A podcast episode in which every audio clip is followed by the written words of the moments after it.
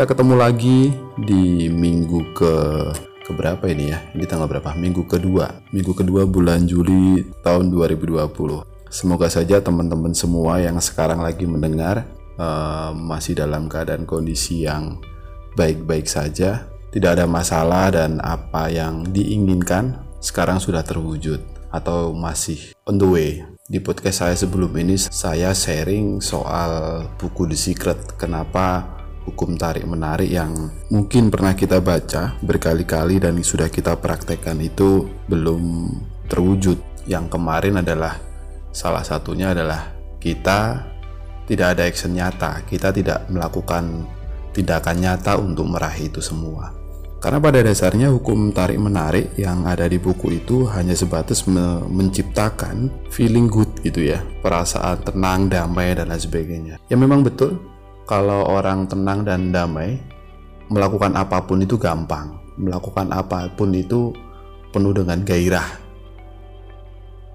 Tapi untuk menjadi damai itu memang tidak gampang karena kita setiap hari dihadapkan di kondisi yang kita tidak bisa menebak gitu ya. Kita tidak bisa menebak dan kita tidak bisa mengkontrol.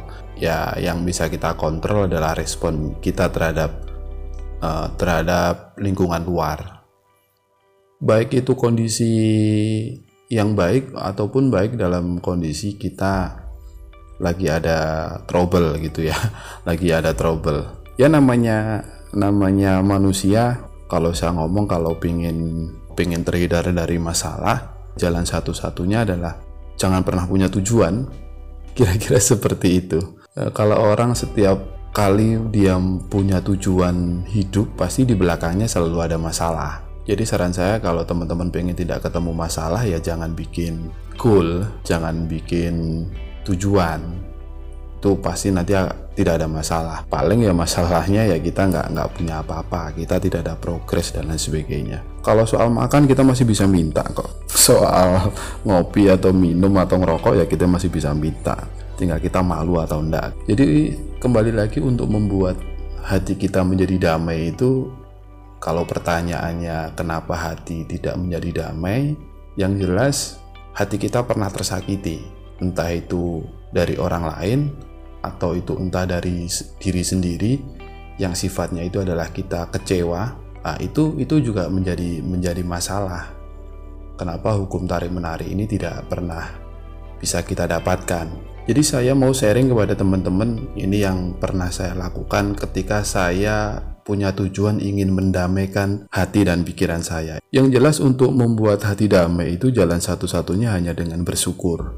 Menurut saya, bersyukur itu Modelnya banyak.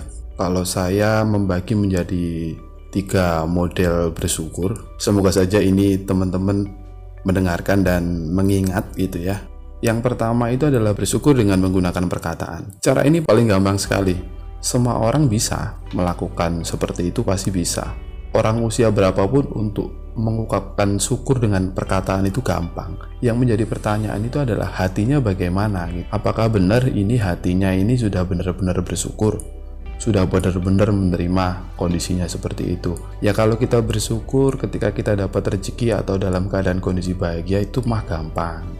Gampang sekali. Tapi bagaimana kita bersyukur di kondisi kita tidak lagi baik-baik saja? Itu yang paling susah. Yang nomor dua adalah bersyukur menggunakan hati. Hubungannya seperti ini. Ketika kita mengatakan syukur, hati kita ini bergetar nggak? Hati kita ini merasa lega nggak terhadap syukur yang kita ucapkan? Kalau hati kita ini belum lega, saya kira masih belum, masih dalam bentuk ucapan. Jadi mungkin teman-teman ketika bersyukur menggunakan ucapan, coba sesekali untuk dirasakan dalam hati. Kalau memang belum bisa ya, jangan dipaksa santai saja, bersyukur saja gitu loh. Gak usah dipaksa untuk benar-benar dirasakan dalam hati.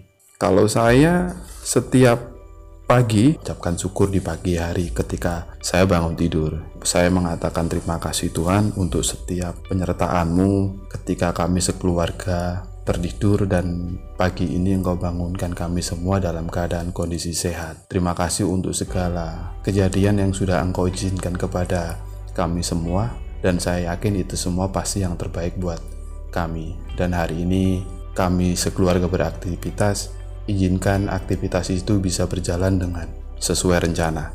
Itu yang yang biasanya saya omongkan di pagi hari setelah bangun tidur.